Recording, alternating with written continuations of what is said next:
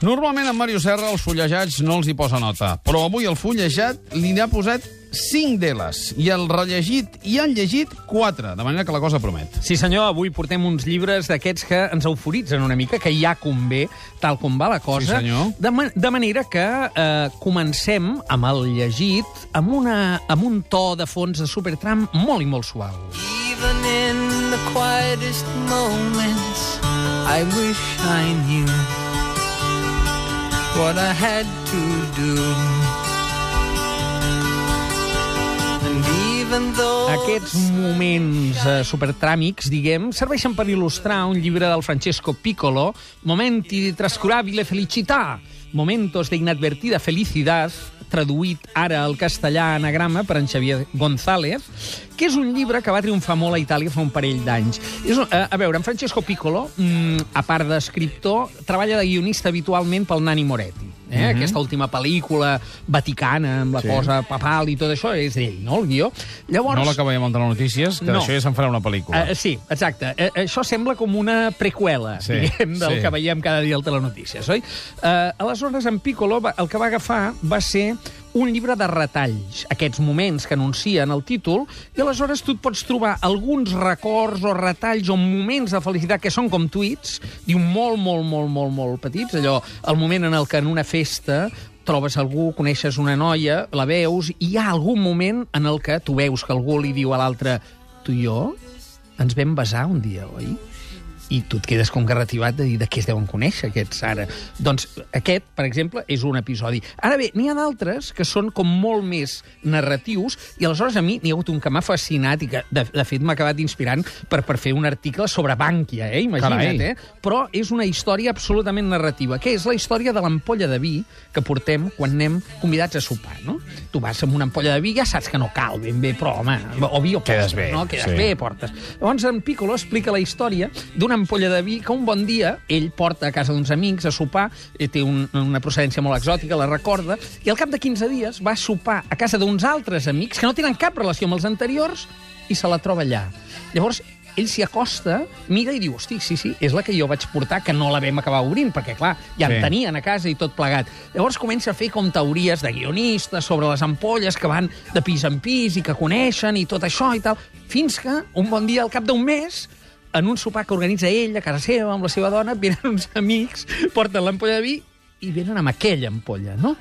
I te la torna a mirar i diu, hosti, és que és la mateixa, realment. I llavors comença a pensar, eh, a intentar recordar si la va comprar mai o si ja va entrar a casa seva d'aquesta manera, no? Sí. I si està enverinat, potser, aquest vi en certa mesura és una mica el que deu passar en certs cercles de poder que es van passant el vi els uns als altres i fins que no ve una Merkel que diu obrin l'ampolla, saps què vull dir? No, Ja. no, no acaba, no? Bé, aquesta és una de les històries que explica d'aquests moments de percepció en una Roma molt ambiental, molt de classe mitjana, progre, per entendre'ns, molt contemporània, però carregada de petites percepcions molt interessants del món eh, sentimental, però també del món social. De manera que és un llibre que no saps per on agafar-lo perquè no té un argument. Eh? Et va fent una pluja de records, però tots ells són percepcions bastant afinades. No? Però tot plegat forma part d'un relat, d'una novel·la o no? No. E- És a dir, el relat li dona al narrador. És una primera persona, tu ja veus que sempre és la mateixa persona, pots imaginar que és en Piccolo, eh, parla, diguem... Podria ser un monòleg, diguéssim. Eh, podria ser un monòleg, però no pretén explicar-te històries, tot, tot i que te n'explica, sinó eh, moments, no? Coses com, com un quadern de notes. Està molt a prop del dietarisme. Val. Ja et dic que alguns són com tuits i d'altres doncs, tenen tres pàgines, però en cap cas pretén dir ara t'explicaré un conte. No. Ell va, diguem, relatant, no? Uh, òbviament hi traspua una visió del món, que és la d'un guionista del Nani Moretti, uh, una visió del món crítica, una visió del món en la Itàlia contemporània, al qual hi sorgeixen doncs, casos de corrupció, uh, una visió davant de la religió molt crítica, uh, amb el Vaticà a tocar, perquè això són els carrers de Roma, etc. Ara bé, és un llibre d'aquells que, sense ser un gran què, eh, l'encerta cada vegada, no? Vull passes dir, bé. Sí, sí, et fa somriure, et fa percebre i veus com la percepció quotidiana sempre té una, una doble cara, no? Com aquesta ampolla de vi que acaba passejant-se per, tots, per tots els pisos de Roma. Per tant, un llibre molt recomanable, aquest Momentos de inadvertida felicidad, de moment només traduït al castellà a anagrama, Francesco Piccolo, en un estil memorialístic. Mots clau? Aquí direm felicitat en primer terme, però després Roma. Després, memòria, percepció, i per posar dos eh, exemples eh, d'autors, dos paral·lels, Jos Perec, el de James Souvian, el del Me'n recordo, o Joe Brainer, el del I Remember.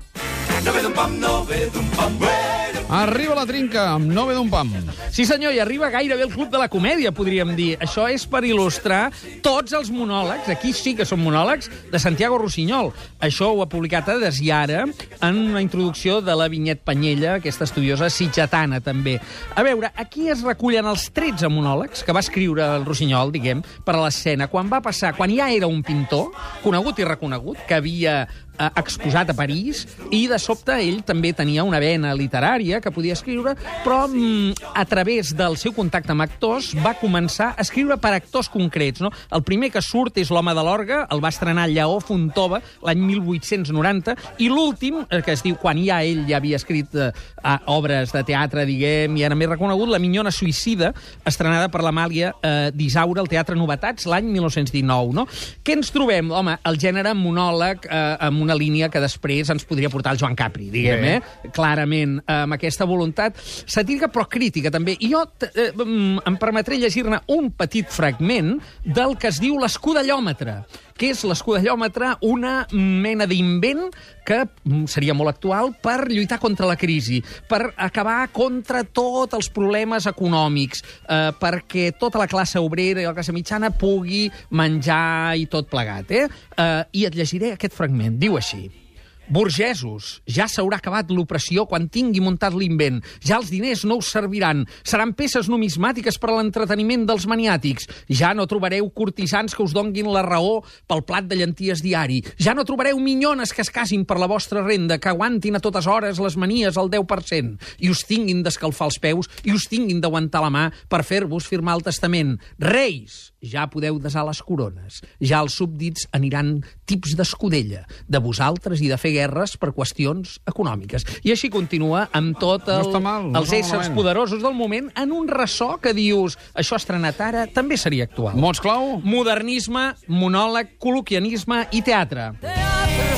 I el fullejat és la mina que ens canta Puro Teatro. Sí, senyor, el fullejat d'avui l'he acabat llegint sencer. Telón de fondo de Marcos Ordóñez, 5 L's. Uh, és unes memòries de l'escriptor que més i millor ha escrit uh, de teatre en aquestes últimes dècades, uh, des d'una afinitat emocional. És a dir, no només parla d'informació, no només pretén lluir-se, no només és una aproximació intel·lectual, és una aproximació emocional, mirada crítica, informadíssima, de l'últim mig segle de teatre català i espanyol, actors, directors, productors, dramaturgs, crítics, lectura imprescindible per a tothom que estimi el teatre. Telón de fondo, Marcos Ordóñez, El Aleph, editores.